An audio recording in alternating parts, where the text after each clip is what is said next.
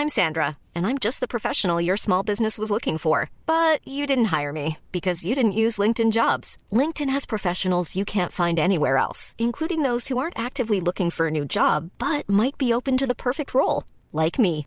In a given month, over 70% of LinkedIn users don't visit other leading job sites. So if you're not looking on LinkedIn, you'll miss out on great candidates like Sandra. Start hiring professionals like a professional. Post your free job on linkedin.com/people today. One size fits all seemed like a good idea for clothes Nice dress. Uh, it's a it's a t-shirt. until you tried it on. Same goes for your healthcare.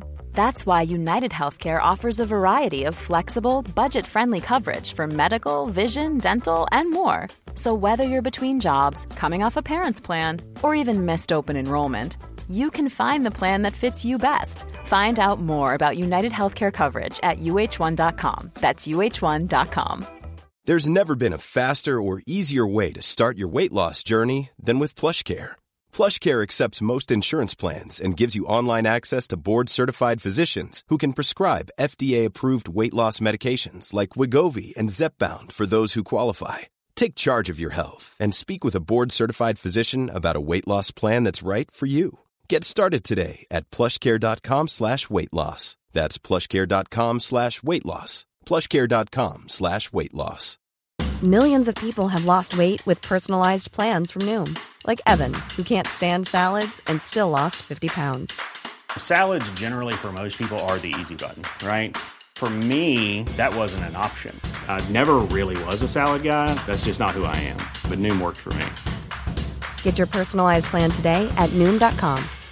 Real Noom user compensated to provide their story. In four weeks, the typical Noom user can expect to lose one to two pounds per week. Individual results may vary.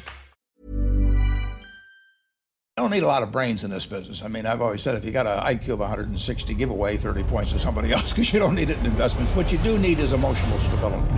Wow. Very first tech IPO, and it's a big one. Stock market hit an all-time record high today. A crash is coming now, whether it's six months from now, 12 months, 36 months, no one knows. There's a bear market about every five years. We've gone eight years without one. People have to realize this is the biggest IPO ever. Hej och välkommen till ett nytt avsnitt av succépodden Market Makers. Jag ser att du sitter och boxar Fabian. Det är som att du, du är Rocky Balboa, den här stora amerikanska filosofen du pratade om förra veckan. På väg upp i ringen, redo att knocka våra lyssnare. Eh, vad säger man? Bokstavligt talat? Nej, det säger man inte alls det. Man säger bildligt talat. Nej, jag tänkte vara lite ställd. De har antagligen blivit tillräckligt boxade av börsen idag. Ner, vad är det, 4 Fy procent. Vi spelar in det här måndag den 24 om det är någon som undrar. Ja, jag hade hoppats på att det skulle bli 420. Det hade varit lite skojigt ju på något sätt. Det hade det. Det är också kul att kolla på eh, Fear and Greed Index ligger nu på 29. Eh, det betyder alltså att man är i botten av fear och närmar sig det som kallas för extreme fear. Mm. Och, eh, vi var ju, det var ju knappt en vecka sedan vi var på Extreme Greed istället. Jag tror att det var en av de få gångerna det nått, nått upp till nästan 100. Det här är alltså en 100-gradig skala då och 100 är ju Extreme Greed. Exakt. Hur har du handlat idag, Niklas? Ingenting alls. Jo, jag, jag faktiskt tror faktiskt jag köpte, men det var ju ingenting som räknas. Eh, köpte lite i några så tråkiga investmentbolag och sånt som jag hade, som jag tyckte så, ja, men det är lite orimligt att de kanske går ner 5-6 procent någonting då. Men annars har jag försökt att inte göra någonting alls. Vi pratade ju lite om det med eh, Kristoffer här förra veckan också, om att det här med att man inte ska reagera alldeles för fort på saker. Och eh, jag vet inte, jag har inte riktigt någon åsikt åt en varken eller. Hade det varit för eh, en vecka sedan, då hade jag tro, då ville man ju liksom köpa varenda dipp. Men av någon anledning kändes det som att det här kanske inte blir samma typ av V-form uppåt, det vill säga att det bara räcker uppåt. Samtidigt så är det mycket som talar också för det. Så att det är ja, det är ett väldigt intetsägande svar, men jag vågar helt enkelt inte göra någonting, så jag bara ligger kvar som jag gör. Du då? Det jag kan säga är, det här är rent anekdotiskt, men för mig personligen har de absolut sämsta tillfällena då jag sålt alltid skett i samband med att vi har legat på typ fear, på fear and greed indexet. Ja, men precis, och det tror jag är, är faktiskt, jag tror faktiskt att det är ganska dumt att sälja på en sån här rörelse, för då blir det just att man panikar ut och chansen är större ändå att det får en liten rekyl uppåt i alla fall. Du kanske får tillbaka några procent och sen kan det ju fortsätta falla långt efter det här så att säga. Eh, men man ska sälja, sällan sälja på de här rörelserna. Hade faktiskt lite grej, satt faktiskt och sammanställde här lite, jag kikade på lite, vad ska man säga, utdrag och, och, och tyckanden och tänkanden från eh, sparekonomer eh, i media. Och jag vet inte, vill, vill du höra lite vad jag har, eh, vad jag har hittat för någonting? Jag har, bara, jag har bara googlat lite snabbt och försökt sammanställa lite kronologisk ordning för att få en känsla av vad sparekonomerna tycker. Det får du gärna göra. Jag har en känsla att de inte är så prediktiva, utan det sker snarare i efterhand. Ja, men det var, anledningen till att jag kom att tänka på det också är för att eh, de, de gör ju hela tiden precis det som jag gjorde nu, det vill säga att de helgarderar sig. De säger att ah, det, det kan vara läge att köpa, men det kan också vara läge att sälja. Eh, och Går man då tillbaka, jag, jag, bara, jag bara googlar lite snabbt på det här, men går man tillbaka till september, till exempel, slutet på september förra året, eh, så säger till exempel Joakim Bornold, då, jag, jag menar för övrigt inte att hänga ut någon här, det är deras jobb så att säga, att dra intresse och vara med i media, så de måste ju säga någonting. Eh, men då säger sparekonomen Joakim Bornold, eh, vi är på väg in i en vinstvarningssäsong, säger han 2019 09 29-19 Eh, och sen vet vi att börsen bara rallade totalt uppåt. Eh, slutet på november då istället, då säger Johanna Kull, sparekonom på Avanza, att börsen har historiskt varit en vintersport. Det ser lovande ut, för då har det börjat vända upp igen och då ska man helt plötsligt vara positiv till börsen. Eh, Frida Bratt på Nordnet säger mer en mjuklandning som avslutning på året. Utvecklingen går i sidled och marknaden tar en gyllene medelväg. Eh, jag vet inte vad en gyllene medelväg är riktigt för någonting. Det är väl då att man eh, går sidledes i det här fallet antar jag. Istället så rallade börsen ytterligare. Eh, stängde väl 30% upp någonting förra året. Men 20 januari, ja, då säger man det att 2019 blev ett succéår för aktiesparandet. Och med rätt placeringar och tänk går att bli en vinnare även 2020. Vi har låga räntor, världsekonomin stabiliseras och tillväxten återhämtar sig. Förmodligen så pass bra att vinsterna kommer att stiga, säger Stephanie Götman, fondförvaltare på Skandia. Här var den första som inte är sparekonomen, men det är samma typ av uttalande. Det var fler sparekonomer i den artikeln som uttalade sig också. För övrigt rustigt det där med att världsekonomin stabiliseras och tillväxten återhämtar sig. Förmodligen så pass bra att vinsterna kommer att stiga. Där, annars är det väl ingen återhämtning av ekonomin om inte vinsterna stiger. Ja. En dryg vecka senare, nästan två veckor senare, 3 februari, så säger Avanzas sparekonom Jan Akur att börsen öppnade på plus var ingen överraskning. Det är återkommande också att de aldrig är överraskade över någonting. De är alltid förberedda på allt. Och som svensk sparare anser Frida Bratt att man ska hålla huvudet kallt och försöka att inte dras, nes, dras med för mycket. Det här var så när coronavirus började härja. Men då var de inte förvånade att börsen öppnade på plus och man ska hålla huvudet kallt. 17 dagar senare, den 20 februari, då säger Joakim Bornal, dels skulle en stor extern händelse kunna ställa till det. Coronaviruset är exempel på en sån, även om jag inte tror att den är tillräckligt kraftfull för att göra ett så stort avtryck. I nuläget tror man att aktiemarknaden är på väg uppåt, men om det kommer siffror på det motsatta kan börsen falla. Det är också ett intressant uttalande om man granskar det. I nuläget tror man att aktiemarknaden är på väg uppåt, men om det kommer siffror på det motsatta kan börsen falla. Det är tvärtom. Om börsen faller... Du säger absolut ingenting. Nej, om börsen faller så är ju det siffror på det motsatta, att aktiemarknaden inte är på väg upp. Så det är liksom som att säga att, att eh, om det regnar så kan det tyda på att det kommer regna. Fyra dagar senare, 24 februari, det är alltså idag, att Stockholmbörsen idag faller runt 4% i spåren av coronaviruset. Vet du vad det inte är? Det är inte oväntat säger sparekonomen Frida Bratt, som också med att effekten av corona underskattats, vilket tydligt visar sig på måndagen. Ja, det kan man ju minst sagt säga. Inte heller hennes kollega Johanna Kulp Avanza är speciellt förvånad över raset. Aldrig någon som är förvånad över någonting. Det kan vara läge att sälja av sina aktier nu, säger Frida Bratt, sparekonom på Nordet. Som säger alltså när börsen är upp och coronaviruset härjar, då ska man absolut inte sälja aktier, då ska man hålla huvudet kallt. Eh, tio dagar senare, då ska man helt plötsligt, när börsen redan har gått ner 4 ja, då är det dags. Då ska man sälja sina aktier. Ja, så det är vad det är. Jag vill bara säga här ändå, lite massa brasklappar här, som återigen att, att eh, det är ju helgardering och det gör mig själv också, för det går ju aldrig att säga om någonting exakt. Eh, och vi är ju också någon form av tyckare. Men man ska inte glömma att de här sparekonomerna, deras jobb är att dra, dra media till sina, sina bolag de jobbar på och så ska faktiskt en stor del av kritiken snarare kanske riktas mot media här om man ska vara krass, för att de ställer fruktansvärt dåliga frågor. Det är alltid så, om börsen är ner 4% då frågar de, är det dags att sälja sina aktier? Nej, det var dags att sälja sina aktier igår, borde ju svaret vara då. Ja, och sen vet ju lyssnarna också att vi är dumma i huvudet, så att det kan de ju ta, ta med sig bagaget. Men vad fan. superbra tips. Köp när det går upp, sälj när det går ner. Det är så man handlar aktier. Superenkelt att veta. precis. Gör precis tvärtom alltså. Och det är bra att du säger det, för det är också så att vi har ju ingen rådgivning rekommendation i den här podden. Eh, till skillnad från sparekonomer så utger vi oss inte från att vara experter och komma med tydliga råd eller någonting. Eh, vi berättar bara om vår process, hur vi tänker, ser det som ett underhållningsvärde och uppslag för egen analys. Och med det sagt så är det väl dags att köra igång och berätta om någonting som vi faktiskt ändå tror att vi kan lite grann om. Ja, nu när alla containrar står fast där i eh, Kina någonstans, ja, då har de här industribolagen instans att ta vägen. Vad fan ska de göra? Nej, det är kört för dem. Ner med investmentbolagen, säger jag. Och då tycker jag vi ska prata lite om eh, AI och SaaS-bolag. Helt enkelt, många investerare anser att AI, det är det nya heta att investera i inom mjukvara. Det är det nya SaaS, alltså software as a service. Många som anser att AI är en gudagåva som kommer lösa alla våra problem.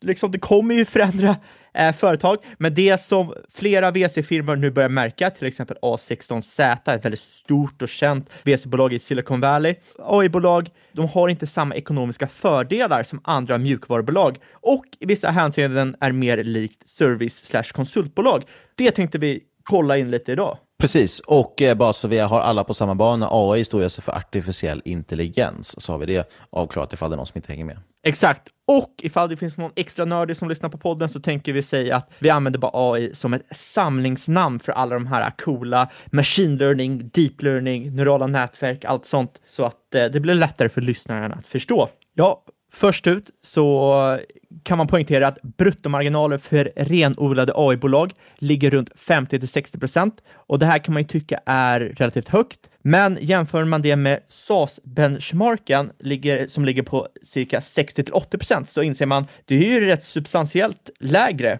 det finns givetvis flera anledningar till det här. Men först om man spolar tillbaka bandet lite så kan vi ställa sig frågan varför är mjukvarubolag så attraktiva? Och lyssnar ni på podden och gjort det länge så vet ni varför. Men är man en ny lyssnare kanske man behöver en liten eh, eh beginners guide. Helt enkelt så är eh, mjukvarubolag attraktiva för investerare eftersom de skalar så extremt effektivt. När mjukvaran väl är klar, eh, om det någonsin kan vara klar, men du förstår vad jag menar, så kan man sälja produkten till oändligt många människor. Och det här ger extremt fina marginaler, ger modes, det ger scaling och har man tur som med till exempel Facebook eller WhatsApp eller liknande så får man även nätverkseffekter. Och eh, det innebär ju helt enkelt att värdet på plattformen växer desto fler människor som använder den. Och då gör man en 180, så på andra sidan om mjukvarubolag finns serviceföretag där varje nytt projekt kräver en drös anställda som bygger och utför projekt och när man är klar kan man sälja det här, men man kan endast sälja det här endast en gång. Och det innebär ju att man har engångsintäkter och som bäst har man en linjär scaling. Man får en output för varje input man lägger in helt enkelt. Och framförallt innebär det här ju lägre marginaler. De här marginalerna brukar ligga runt 30-50%, om inte ännu lägre. Och det är nu det intressanta eh, kommer. Då kan man ju fråga sig, vart hamnar AI-bolagen någonstans? Hamnar de närmare mjukvarubolagen i marginaler eller närmare servicebolagen? Ja, jag har ju redan avslöjat det, så att eh, nu fattar jag att det hamnar någonstans där i mitten. Där är det viktigt att poängtera det här med vilken typ av marginal man använder. Som vi sa, att innan pratade vi om bruttomarginal och det finns ju faktiskt redan konsultbolag som har upp mot 80% bruttomarginal. Men det beror ju på att personalkostnaden kommer först i nästa steg. Så själva rörelsemarginalen, eller om du vill hela vägen ner till vinstmarginalen, blir ofta sämre i den typen av bolag för att så mycket av pengarna går ju till personalkostnader och admin. Eh, men medan i SAS-bolag så, så, så, brukar oftast mycket av den, vinst, eller den eh, marginalen dessutom hamna på sista raden också. Eh, medan AI kräver ju som sagt mer mer kostnader runt omkring också. Och det är för att AI är ju mjukvara i grunden, men hjärtat är ju datan. Och man behöver ju så kallat träna en modell för att den ska kunna göra något. Och eh, om det här är svårt att förstå så kan du tänka dig ett barn. Du kan inte bara släppa ut en nyfödd bebis i skogen och tro att den ska kunna överleva, kommer antagligen bli uppäten av en räv eller någonting. Den måste ju också tränas för att förstå saker. Och det här kallas uppväxt och eh, gå i skolan och grejer. Uppväxt, då kan jag bara tillägga för den som inte är det är ju en teknisk term. Då. Det betyder alltså att man, man växer upp. som jag och Niklas inte har gjort än, trots att vi levt väldigt många år på den här jorden. Du, jag och Trump, Fabian. den perfekta trion. Ja, och eh, likt en människa så måste ju modellen också tränas mer över tid när mer data tillkommer. Du kan ju inte liksom ha samma insikter när du är fem som du är som när du är 25, för då kommer du starta en podcast som heter Market Makers. Det är mycket så här självbashning, eller så här självkritik i den här dagens podd. Uh, ja, nu tappar jag helt spåret här. Ja, men du var inne på att det är dyrt, för det är jävligt dyrt att träna. Delvis för att du måste, måste ha mycket folk som processer, processerar och rensar datan, alternativt köpa in datan väldigt, väldigt dyrt. Eh, och dessutom oftast måste du kombinera med ganska högavlönad, dyr personal. Till skillnad från eh, SAS-bolag som klarar sig på ändå eh, ja, men lite enklare utveckling och så vidare och kanske till och med kan outsourca mycket utveckling, så sitter ju AI-bolagen så att säga på väldigt eh, tunga liksom, namn. De måste ju ha ofta kanske doktorander och grejer som verkligen är vassa på det. Exakt, och eh, det är en stor skillnad mellan att till exempel eh, lagra i molnet och att processera i molnet. Som man kan tänka sig så kan det kosta rätt mycket att använda de här GPU-erna som eh, Google och Amazon har eh, till förfogande. Och Microsoft. Och Microsoft, förlåt alla Microsoft-ägare där ute. Självklart finns ju Microsoft också. Det är faktiskt så att en enda modell kan kosta flera miljoner kronor att träna på grund av processorkraften som krävs. Och det här är helt sjukt, för att som sagt, det här är ingen engångskostnad. Desto mer dator du får, desto mer måste du träna den här. Så att de, de här kostnaderna är en löpande kostnad så länge som företag finns och använder den här typen av AI. Och eh, det är ju så att själva träningen äter upp cirka 25 procent av intäkterna som ett AI-baserat bolag drar in. Eftersom det är så dyrt så har ju vissa företag till och med kommit fram att bara att använda människor för att processera datan är billigare än att faktiskt ta tag i AI och träna modell och eh, använda machine learning. Och det här är ju lite roligt. Jag har två saker att ta upp här. Delvis är det ju intressant för att många lyfter ju AI och machine learning och sånt idag som ett buzzword. Speciellt om man kanske vill få in investerat i sin startup. Eh, och man får det då låta som att det här är någonting som är automatiserat. Men, och, eller det är så många investerare kanske tolkar det, som att okay, det här kommer att vara automatiserat, så det kommer, bara, det kommer vara som en pengapress. Liksom. Vi kommer inte ens behöva jobba, det kommer bara pumpas ut pengar. Eh, men egentligen så man borde tolka det här som att okay, det här kommer vara en väldigt dyr kostnad att träna. Eh, och det finns faktiskt ett roligt exempel på det. Nu ska jag inte ta upp vad de heter för att, för att hänga ut dem. Eh, men det finns ett, ett bolag som, som sa att de skulle revolutionera och digitalisera bokföring och automatisera det. Som man sa egentligen, man tog in massa kunder och tog in dem svinbilligt för att man sa att vi kommer lösa bokföring med machine learning och den ska vara helt automatisk. Eh, sen började det dyka upp fler och fler annonser, jobbannonser, att de sökte folk som kunde bokföra helt enkelt, köra löpande bokföring för företaget. Så visade det sig att det de egentligen gjort, de har bara tagit in massvis med studenter och, och, och assistenter som sitter att, och läser in massa liksom, och, för att träna de här modellerna. För du kan inte bara ta, om du inte har någon data så kommer du inte heller kunna automatisera bokföring eller vad det är du försöker automatisera, för du måste ha någon som visar hur man gör. Alltså har de en jätte jättestora kostnader, men, eh, personalkostnader för att göra det här. Men de tar betalt ut mot kund som att de bara som att de har en automatisk modell redan. Eh, så det är ett typiskt exempel på det vi pratade om, att hur, hur folk investerar väldigt mycket i saker som kanske inte alltid är så lönsamma och smarta. Eh, och det var därför, det var ju det, jag tror vi lyfte upp det även fast faktiskt i avsnittet för, ganska, för säkert ett år sedan nu, när vi pratade om 24-7. Det som är intressant med dem är att de har ju hela tiden sett till att spara all data som deras kunder har matat in i systemet, vilket betyder att de sitter helt plötsligt på ganska många års historik som de nu skulle kunna applicera då AI på egentligen att lära sig av. Nu säger jag inte att det är någon, ingen köprek på dem nödvändigtvis för det, men det var intressant att de, den typen av... Eh, där är värdet liksom i data som man pratar om hela tiden. Det där är ju faktiskt ett jättestort problem bland startups. Just att när du startar eh, upp ett bolag som ska bygga en machine learning-modell med kundspecifik data, hur ska du kunna bygga en modell utan datan? Och det är jättemånga investerare, och det här är också ett problem med att folk inte riktigt förstår vad det är som säljs, utan de köper det på buzzwords. Då köper in det ett bolag som inte har en fungerande modell för att de säger att de kan fixa det någon gång i framtiden. Likt ett företag, en idé är bara en idé, det är execution som Ja, och, och, det, precis, och det blir som vi sa då, i det här fallet till exempel, säger man att ja, vi ska automatisera bokföring, det låter ju jätteintressant. Det tycker väl alla är en, en intressant idé, men i slutändan så visar det att man har jättestora utvecklingskostnader för själva modellerna och också har jättestora personalkostnader i form av att folk som bara ska sitta och mata in korrekt data. Andra vägen att göra det, Renaissance Technologies är ju en hedgefond som är super liksom, eh, mystisk, eller mytisk, som många tittar på. Det eh, kom ju en bok om den nu nyligen som, som jag läste som heter The Man Who Solved the Market. Eh, och mycket av deras hemlighet egentligen, det är ju inte att de har någon exceptionella modeller eller exceptionella saker, utan det är helt enkelt, de har ju sett till att från start köpa in väldigt, väldigt bra och mycket data som de sedan har rensat och gjort, liksom filtrerat på ett bra sätt. Så det är ju verkligen data i allt och därav återigen att man säger att data är det som har ett värde idag i väldigt mycket, många fall. Eh, jag tror inte många riktigt förstår varför det är så, men det, det är på grund av det här, för att datan går att använda till den här typen av saker. Jag vill också påpeka att Renaissance Technologies, i alla fall rent historiskt, de kanske håller på med det nu, och fan vet jag, har de ju inte använt sig av AI. De har ju använt sig av olika typer av arbitrage och liknande för att slå marknaden. De är mycket mer inne på statistik, probability, än vad de är på att sätta igång en machine learning-modell. Men alltså ett till stort problem det är att det, det krävs ju expo, eh, exponentiellt mer processorkraft och data för att få till liksom en liten inkrementell ökning i precision. Och det här gör ju, vill du bygga en ännu bättre modell, då kommer det ju kosta exponentiellt mycket mer att eh, producera den här modellen. Väldigt intressant är att eh, Moores lag, som simplifierat är att eh, processorkraft dubblar vartannat år, håller inte jämna steg med utvecklingen av AI. Eh, sedan 2012 så har behovet eh, för beräkningskraft ökat 300 000 gånger för en state of the art-modell jämfört med Nvidias GPUer som ökat cirka fyra gånger. det här är ju helt sjukt, för att ja, det kanske finns lite lösningar för tidsoptimering, men finns ingenting som löser den här tunga kostnaden som AI eh, fortfarande har. 300 000 gånger mot fyra gånger är ganska stor. Det, förhållandet däremellan är ganska skevt.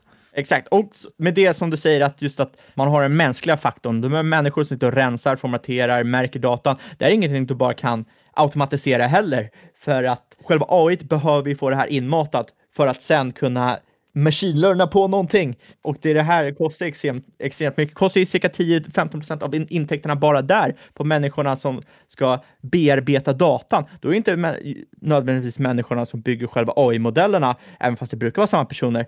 Det är bara själva datan när den ska processeras manuellt kostar cirka 10-15% av intäkterna för ett AI-företag, vilket är helt sjukt. Här har ju Google varit otroligt intelligenta. Bland annat har de ju till exempel eh, uppfunnit den här captchan-grejen, att man har, ni vet att när man säger bevisa att du inte är en robot, så ska man ju till exempel ibland fylla i, klicka på bilder och säga att de här bilderna, klicka på de bilder som innehåller en bil. När du gör de stegen, då tränar du faktiskt också deras AI-modell att lära sig känna igen bilar eller vägar eller vad det nu är du trycker på, för att den, den kontrollerar mot vad den trodde var den statistiska sannolikheten och som du då bekräftar att det, det stämmer som den har kommit fram till. Så bevisar du att du inte är en robot och du har samtidigt tränat modellen. Även det här med texterna som man, som man ibland får fylla i, som börjar bli mindre och mindre vanligt, var ju också, eh, har ju också visat sig vara för att träna AI-modeller. Så Sjukt smart. De har, låtit, de har kunnat sälja den här tjänsten till eh, hemsidor. Och de som sen sitter med, med användarna så får dessutom träna modellen. Så det är liksom win-win. Det är otroligt intelligent. Sjukt genialt, för andra företag har ju inget sätt att eh, väldigt många företag måste ju använda människor inte bara när de ska rensa datorn utan som en liksom liten eh, extra för att liksom lägga till någon typ av mänsklig bedömning. Och här ser man ju kraften i sådana företag som Google som är innovativa där någon har kommit på att vänta, vi låter andra människor träna modellen åt oss och vi tar betalt för det. Ja, otroligt skickligt. Exakt, och andra bolag behöver ha den här servicen in-house och det äter ju självklart upp marginalerna. Och troligtvis kommer inte det här liksom mänskliga behovet minska i närtid i alla fall. Eh, I alla fall inte med de teknikerna man har just nu. Men sist men inte minst, jag vill också prata om att det är jäkligt svårt att skala AI. Och eh, det här är ju dels, som vi sa, att de flesta har inte någon aning om vad AI och eh, allt vad det har sig att göra är faktiskt är för någonting. Så att man har ingen aning vart begränsningar ligger. Det gör att man gärna matar in vad som helst i tro att det är en supermaskin som kan lösa vad som helst. Och det gör ju att du som AI-bolag får otaliga individuella scenarion som är väldigt svårt att hålla sig till med en enda modell. Återkomma till det här att du måste träna om igen. Det är ju så liksom att eh, det finns ju oändligt mycket data där ute och eh, varje ny kund kommer bidra med oändligt mängd data som du aldrig har sett förut, även om det är bolag som liksom verkar inom samma industri. Har du till exempel två stycken biltillverkare som vill använda AI för att hitta defekter på bilen. Så bara det att man positionerar kameror på lite olika ställen inom produktionen kommer leda till annorlunda data, vilket kommer påverka modellen. Och det som jag tycker är mest intressant med det här uh, snacket nu som går kring AI-bolag, det är att man börjar prata om uh, diseconomies of scale, alltså motsatsen till economies of scale. Och economy of scale är alltså att man får en kostnadsfördel desto större man blir som företag. Och då snackar man ju snarare att man får en kostnadsnackdel desto större man blir, för, uh, blir som företag. Vilket, ah, det kanske inte är det man satsar på. Det går emot allt det här som folk önskar, det här med economies of scale och nät nätverkseffekt och sådana saker, att det helt enkelt blir sämre desto fler kunder och specifika fall. Då. Jo, men exakt, för de flesta önskar sig en liksom, magisk lösning. Oh shit, nu kan vi bara sparka alla människor, så sätter vi in AI. Fan, då kommer ju vinsten femdubblas. Det är ju magiskt. Alltså jag säger inte att det är kört för AI-bolag, men man ska ju ha koll på begränsningarna och eh, absolut inte lita på de här buzzwordsen som de här startupsen, men även stora företag som inte vet fan vad de snackar om, eh, som sitter och skyltar med att de har AI, de har machine learning, deep learning, neurala nätverk och så vidare. Eh, jag skulle säga, vill du investera i AI-bolag så försök komma fram till företag som har någon typ av one size fits all strategi. Det vill säga att de faktiskt har en modell som de applicerar på flera kunder. Det här kommer ju liksom givetvis innebära begränsning på vilka typer av kunder de kan sälja till, men det kommer ju dra ner kostnaden rejält. Och eh, kommer ju behöva ha företag som gärna satsar på väldigt smala industrier i så fall. Eh, och det innebär ju begränsad komplexitet i data. Till exempel då bolag som använder AI för att uppdatera dokumentation, typ som Niklas nämnde om det här eh, bokföringsföretaget. Nu är bokföring något som är, eh, som jag förstår, relativt klurigt att automatisera. Eh, framförallt olika typer av financial statements också, har jag fått höra av vår vän på Börsdata. Jo, men det är ju precis för alla, alla bokför ju på olika sätt. Det kan vara någonting som ter sig väldigt mekaniskt. Det handlar bara om att läsa in och mata in data från papper oftast. Eh, men det är ju mycket mer komplicerat för att det kan göras på väldigt många olika sätt. Och olika företag har olika standarder och så vidare. Eh, och olika redovisningsregler och så vidare. och så vidare. Exakt, men det jag vill komma fram till är att du vill försöka hitta ett bolag med låg komplexitet men hög volym på den datan. Och troligtvis kommer det innebära att det är något typ av hybridföretag, att det kommer vara bättre än ett renodlat bett på ett AI-företag just nu. Men då kan man undra, Fabian, när jag lyssnar på det här i typ 15 minuter, vad fan vill det komma? Jo, det jag vill säga är lång AVS, short Google Cloud. Hur har du kommit fram till det? Jävla Google Cloud ska skryta så mycket om sina machine learning in the cloud-möjligheter. Fuck them. Eller så är det så att de helt enkelt är vassare. ja, vad, vad, tror du att Riksbanken använder för sin e-krona då? Tror du de är, är avs eller Google Cloudare eller Microsoft Azure? De är väl Oracle eller någonting? Säkert, och de ligger alltid tio år efter. De har ju nämligen gått ut nu med att de gör tester på sin e-krona som vi har pratat om förut. Eh, jag har inte så mycket intelligent att säga det, men jag tyckte ändå det var intressant att bara nämna den nyheten. Att de, de kör ju nu en blockchain-baserad e-krona. Eh, skillnaden mot, eh, jämfört med kanske med bitcoin, ja, där är är ju vem som helst egentligen tillåten om man vill i blockkedjan och att, att mina den, så att säga, ta fram, beräkna transaktioner egentligen heter den. Eh, men här kan ju då Riksbanken själv bestämma vilka som är med i nätverket och då pratar man om att andra banker ska vara med. Eh, jag tyckte inte det var tydligt i det jag läste i alla fall om de menar andra banker som, såsom våra storbanker eller om de menar andra centralbanker. Eh, men eh, det de sa i alla fall var att det var lika enkelt som att skicka ett meddelande. Eh, och då var det någon på Twitter som, som lustigt nog skrev bara, det är bara att det är som att swisha ungefär. det var lite roligt. Så att, eh, jag vet inte vad det är för teknologiskt framsteg egentligen. Eh, det känns ju bara som att man har plockat ut anonymiteten, den lilla anonymitet som fanns kvar i pengar. Jag, jag tror att det var en eller två jävligt vassa konsulter som gled in och pitchade här på Riksbanken och eh, Investment Company hade fan ingen aning om vad de snackade om, men tyckte det lät jävligt bra.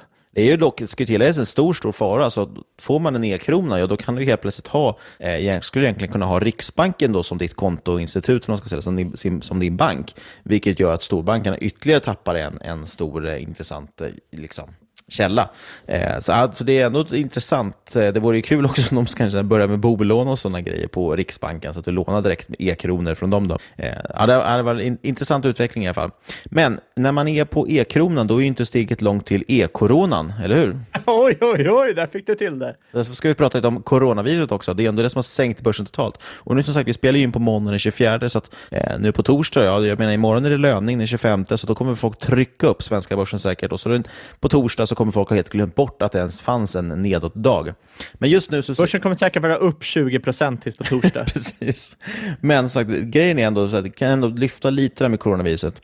Eh, för det som är jävligt svårt med det är ju att, eh, ja, men som vi tidigare nämnt också, det är att du inte kan lita på siffrorna riktigt. Jag läste en jäkligt intressant artikel av eh, Neil Howe, demografiexpert bland annat och författare till den här boken The Fourth Turning, som jag i alla fall gillar rätt mycket. Han har mest kanske känd dock för att ha myntat uttrycket millennial generation. I alla fall, han, han skriver ganska mycket om det här då, och pratar just om att ett problem med siffrorna i Kina, men delvis såklart är det en, en kommunistisk regim, så att säga, som, så vi kan inte lita på siffrorna. Det är därav att jag häromveckan pratade om att det är lite Tjernobyl-känsla på det. Eh, att man inte vet. Men det är också så, en, en tydlig, tydlig till Tjernobyl-koppling är att det är ont om testkit i Kina. Vilket gör att man har i princip kappat hur många liksom, fall man kan rapportera varje dag, eller hur många man kan testa. Och Det påminner väldigt mycket om det som vi såg i Tjernobyl, det här med att ja, men, mätutrustningen kunde inte ens mäta så mycket strålning som man hade på plats. Så Då sa man att ja, men det är så här mycket bara som, som utrustningen går till. Ja, men liknande hörde jag nästan hörde jag från Japan. De hade någon jäkla cruise där som, eh, ja, men de testade ju inte människorna som jobbar där, för att, eller sjuksköterskorna och läkarna, för att hade de testat positivt, ja, då hade inte de kunnat gå och jobba på sjukhuset och det hade ju inte sjukhuset klarat av, för de behövde ju arbetskraften. Ja, så att de testade bara inte och skickade dem att arbeta. Hur kan det gå fel? Ingen aning. Lite, lite moment 22. Nej, men för det man gjorde också, har gjort också mycket i Kina, verkar det är att istället för att testa dem så har man också bara ombett dem att stanna hemma. Liksom. Gå, inte till, gå inte ut helt enkelt. Vilket gör att då får, blir de inte heller rapporterade fall. De stannar hemma, det är också positivt. Det är därför. Så att istället för, liksom för att vara en exponentiell kurva, som det, som det då brukar vara vid när virusutbrott, eh, så har man istället haft en väldigt linjär kurva. Eh, och det tyckte jag var kul, då Neil Howe jämförde det med att det, det påminner lite om Kinas BNP-siffror. Vilket helt enkelt då återigen tyder på att det kanske är lite friserade siffror på något sätt. Sen då, helt plötsligt, för ungefär tio dagar sedan, bang, så säger total cases per day, alltså antal fall som man registrerar per dag, eh, den såg ut att på att bromsa in och det var därför det var lite, lite positivt för någon vecka sedan. Helt plötsligt hoppade den från typ 3 000 till 15 407 per dag. Det är ganska stort hopp. Ja, kan inte min portfölj göra det också? Ja, verkligen. Avanza ringer och säger hej, vi har beräknat fel här. det är väl fem gånger mer nu. Eh, även nya döda per dag gick från en linjär trend och en siffra kring 100 till helt plötsligt 253. Så en 150% ökning ungefär på, på en dags tid. Ungefär. Eh, det här hoppet då, det berodde enligt New York Times på att man ändrat sina kriterier för att klassa en patient som smittad av coronaviruset. Eh, tidigare hade man behövt göra ganska komplicerade och tidskrävande tester. Eh, och dessutom hade man, som jag nämnde, då, ett begränsat antal av de här testkitten. Istället började man med någon form av bröstskanning. Man kunde se på någon form av skugga då när man skannade bröstet. Man fick en bild och så var det en viss typ av skugga. Då klassade man det som ett coronafall. Och Det förklarar ju inte, det förklarar ju att man då får helt plötsligt ett stort hopp, för helt plötsligt kan du diagnostisera många fler. Och visst, de kanske får en del falska negativa, så att säga, men, men det blir åtminstone en, närmare siffra, en siffra närmare verkligheten. Men det förklarar ju dock inte hur antalet döda kunde öka med 150 procent, för det borde man ju ändå på något sätt ha sett att antingen är de döda som inte döda. Eh, det, det hjälper ju inte om man bröstskannar dem.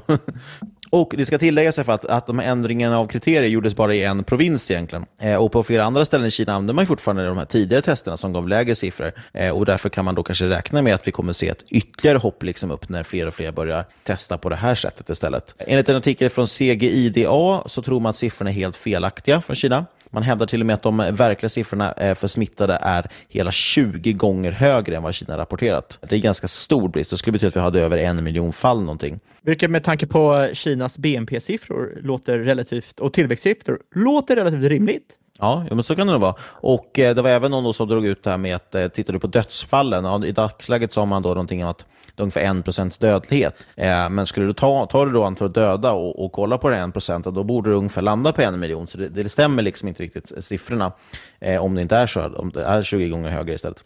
Sen fanns det en intervju med Dr. Neil Ferguson. Han är högt uppsatt vid något som heter MRCs Center for Outbreak Analysis and Modeling. Det låter ju som att de håller på med den här typen av frågor, minst sagt. Han tror då enligt en intervju med honom att i Kina smittas det kanske ungefär 50 000 nya per dag snarare. Och Det skulle alltså då vara återigen 20 gånger fler än vad som rapporterats. Han är också inne på lite samma spår. Eh, han tror för övrigt inte heller att smittan håller på att sakta in nämnvärt, utan han förväntar sig att vi ser en peak först kanske om en månad i den provins där det startar, för att sedan peaka resten av Kina ungefär en månad efter det. Eh, och får jag då gissa lite grann så känns det ju då som att med det, med det, om jag tolkar det rätt, så borde vi då ha någon form av peak även i Europa kanske och världen eh, ytterligare en till två månader efter det. Så, så framåt sommaren nästan. Det betyder att det kommer bli restopp i perfekt timing till vi ska till Berkshire Hathaway-konferensen. Exakt, någonstans där. Och så kommer... För hoppas bara att inte Charlie Munger får coronaviruset. Det kommer bli inställt, Charlie Munger kommer hinna dö tills nästa år och livet har helt tappat gnistan. Exakt. Om, om det inte sker, då kommer vi stå bland tusentals människor ihoppackade i en arena full med coronavirus. Så vilket sätt? Det är lose-lose. Det, det, är väl lika bra. Det är väl lika bra.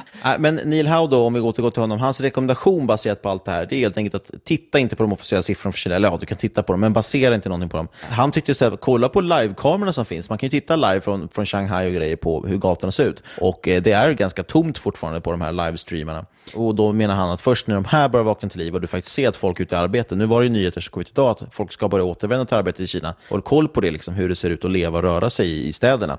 Ja, då kommer du se att, att eh, det börjar återhämta sig. Eh, jag kan också tycka själv, vill jag nog tillägga, att man kanske ska hålla koll på siffror just från lite mer demokratiska länder, såsom de vi har i Europa till exempel. Eh, för nu när Italien till exempel har drabbats så är det mycket mer intressant att kolla på den typen av siffror. Att sprider sig väldigt mycket fortare där, ja, då kan det tyda på att siffrorna som sagt i Kina är felaktiga. Jag, jag vågar lita på siffrorna härifrån. Ja, det var det jag menade. Kina har ju lite av en historia med att liksom förvränga sina siffror. Ja, men precis. Och det är lite det som är huvudpoängen med allt det här och dessutom här, alltså, kombinerar man corona dessutom med den här tråkiga outlooken för makro just nu, så ser det lite trist ut. Alltså. USA fortsätter sakta in. Eh, vi ser antagligen inte botten på det förrän kanske runt sommaren i bästa fall, enligt, enligt de analytiker som vi lyssnar på. Eh, 25 procent av G20-ekonomierna prognostiserar lägre tillväxt under Q1 2020. Samma sak gäller för 40 procent av emerging markets. Och Tittar man på de här eh, kvadranterna liksom, som, som Ray Dalio bland annat målar upp och, och eh, även Hedgeye som är en, en bra analystjänst, eh, de pratar ju mycket om fyra stycken egentligen kvadranter där du då mäter inflationen på väg upp eller ner eller om BNP är på väg upp eller ner. Då har du helt enkelt fyra olika utfall. Och eh, Det ser ut nu som att vi kliver in då i en, en liknande miljö som vi hade i eh, 20, vad säger man? Q4 2018 när börsen gick ner rejält. Och då gjorde ni det för att vi gick in i en sån miljö där vi hade avtagande BNP-tillväxt och även avtagande inflation. Eh, och Det var ju som sagt rätt blodigt i slutet på 2018. Vill man vara lång någonting i en sån miljö så är det framförallt egentligen guld då, som ser mest attraktivt ut just nu tycker jag. Eh, även så kallade proxy bonds brukar man prata om, alltså tillgångar som påminner om obligationer. Det handlar alltså om stabila utdelare, det handlar om rates. Eh, då kanske man ska titta på de här exakt högutdelande till exempel om man vill hitta någonting svenskt. Annars skulle det vara exempel på ja, men typ Telia och sådana saker som, som nästan närmar sig utilities. Vi har ju inte så mycket utilitiesbolag i Sverige. Annars är det intressant, men vi har ju typ Telia, Tele2 och sen som delar ut pengar och är någorlunda liksom stabila defensiva bolag. Även dollar faktiskt ser rätt intressant ut. Något som brukar funka sämre i det här som ska tilläggas, det är ju energi. Och det har vi någonting vi har pratat om som vi tidigare varit bullish till och det är kanske någonting man nu ska avvakta om de här prognoserna stämmer. Då. Eh, och anledningen till att man pratar om det här egentligen, det är för att det är stor skillnad med sektorer. Därav att det är värt då liksom att utvärdera den makro hyfsat regelbundet för att få en, få en känsla för det här. Tittar vi till exempel på utilities som, som traditionellt är stabila utdelare, då, som jag sa. De har haft en vinsttillväxt nu på plus 18 year over year, alltså över ett år. Då. Eh, och Det kan man jämföra med till exempel Cyklis som är ner minus 5 eh, Consumer discretionary, det som kallas kon, eh, sällanköpsvaror i Sverige, det har ju en negativ vinsttillväxt på 11 Det är, alltså det är ganska kraftiga. Liksom. Det är väldigt stor skillnad på hur sektorerna utvecklas och det gäller att hitta de sektorerna som, som presterar bra baserat på den miljö vi är i. Absolut, att hoppa runt i, inom liksom olika typer av sektorer kan få göra en hel skillnad i din avkiss, äh, avkissning, avkastning över tid. det är liksom... Det...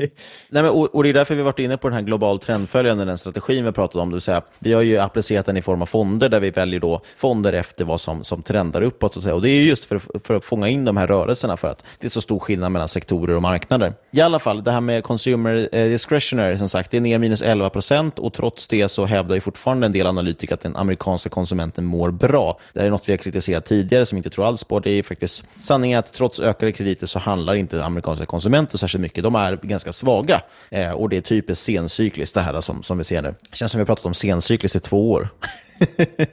så någonstans, någonstans börjar det väl kännas som att vi ropar varg, som man säger. Ja. Vi har ju, har ju haft eh, bullmarknad nu i eh 10 plus år. Ja. Det är inte så jävla konstigt att två av dem har varit sencykliska. Nej, det är för sig sant. Eh, I alla fall, alla de här sektorsiffrorna som jag nämner nu också kan jag tillägga, det är från S&P 500, alltså det amerikanska indexet. Se det som att det är den amerikanska marknaden kan man göra för enkelhetens skull.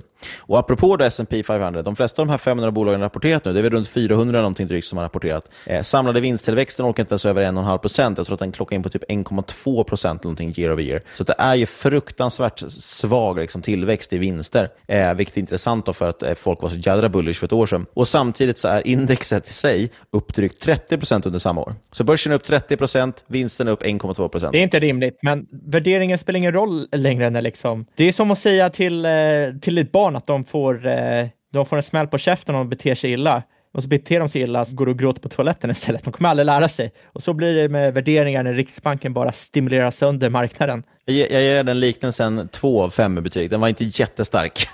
jag tycker att den var fantastiskt stark. Jag, jag tror inte den kommer sätta... Du känner igen det för mycket. Jag tror inte den kommer fästa sig. Den kommer inte sätta sig hos folk riktigt. Vet du vad jag som tycker är jäkligt intressant med coronaviruset? Nej. Eh, det är ju faktiskt att kolla vad, eh, vilka bolag som inte mår så jättebra i Kina och vilka som mår lite bättre i Kina just nu.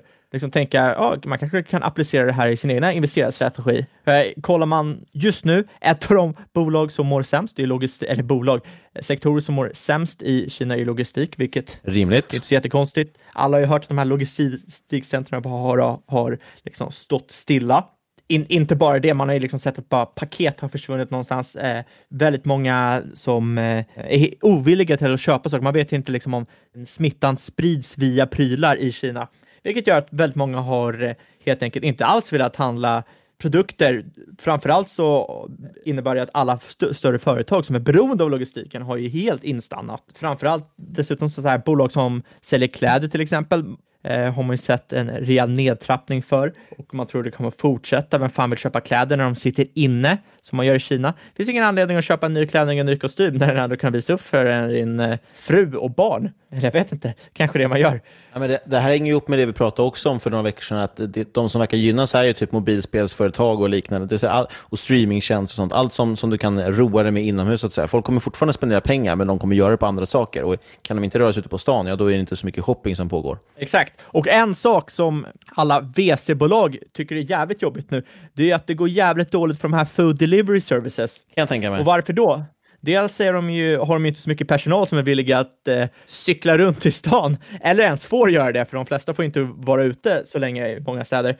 Och sen var det ju att man ertappade någon snubbe med att faktiskt vara infekterad som satt och eh, åkte ut och levererade mat, men fan vill köpa infekterad käk? Det är inte så jävla många. Vänder man på bladet är ju däremot e-handel av annan typ av mat, alltså färsk, eh, färskvaror, otroligt. Det är, That's flourishing man, det går ju svinbra. Det är många som ser sina säljvolymer gå upp eh, över fem gånger. Eh, till exempel JD och Fresh Hippo som ägs av Alibaba. De har sett eh, sex, vad fan heter sex gånger, kan man säga så? Kanske inte, sex gånger så mycket mer försäljning. Ja, de har sett sin försäljning växa sex gånger om jämfört med tidigare perioder. Du ser att grönsaker blir allt mer, liksom allt dyrare, väldigt mycket som är out of stock, väldigt svår, mycket saker som är svårt att få tag i. Vad gör det här? Det pressar ju upp priserna för det som finns kvar. Sen är också healthcare såklart, går ju fantastiskt bra. Eh, framförallt bolag som säljer olika typer av medicinska masker och hand sanitizers och liknande. Eller bara privata sjukhus, för fan, folk måste ju in där och fixa till sig. Och som Niklas sa, alla typer av kontaktfria services funkar ju fantastiskt Oavsett om det här är eh, kontaktfri leverans, kontant, eh, kontaktfri betalning eller Netflix och liknande som eh, gör att man kan ha lite roligare där hemma är vad som har gått relativt bra nu i Kina. Ja, det är spännande. Det är ju ändå ganska logiskt, men eh, tänkte här avsluta med eh, mina två, två små citat här. Jag har ju dragit upp de här återigen. Eh, Gartman och Bob Farrell har ju fått eh, figurera här lite i podden med sina citat. Jag har plockat ut två igen nu som jag tycker passar ganska väl på det vi har pratat om.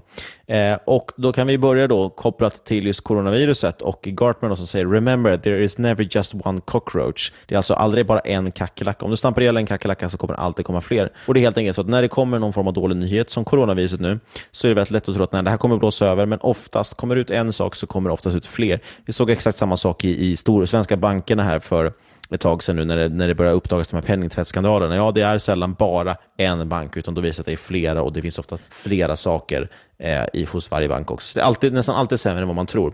Tänk på att när det är negativa saker så kommer folk försöka rationalisera dem och bortförklara dem och, dölja saker. Eh, men oftast kommer sanningen fram. Och sen det mest avslutande, mest sanna som någonsin har sagts kanske från Bob Farrell. Vet du vad det är? Vad är det? Bull markets are more fun than bear markets. Och det kan vi väl alla skriva under om. Eh, det jag gillar att förlora pengar, jag hatar att tjäna pengar. det är alltid roligare när börsen går upp än när den går ner. Och med de bevingade orden så säger vi tack för idag. Kaching! Och som vanligt, inget du har hört i den här podcasten ska ses som rådgivning. Alla åsikter från regeringen eller vår gäst och eventuella sponsorer tar inget ansvar för det som sägs i podden. Tänk på att alla investeringar förknippade med risk och sker under eget ansvar. Men vill du bli förknippad med risk eller kanske lite coronavirus, kontakta oss på podcast.marketmakers.se eller på Twitter at där även våra personliga Twitter-handles finns. Precis, och vill man verkligen ha coronavirus, då kan man ju faktiskt be om att få skicka ett brev istället, så kan vi hosta på vårt eh, svar, så att ni får coronaviruset hem i er brevlåda. Det är framtiden Fabian, hemlevererad smitta. Vi vill säga sist men absolut inte minst, stort, stort tack för att ni har lyssnat. Som tur är är det så att coronavirus smittar inte via hörlurar, så fortsätt lyssna. Vi hörs igen om en vecka. Med ett nytt spännande case.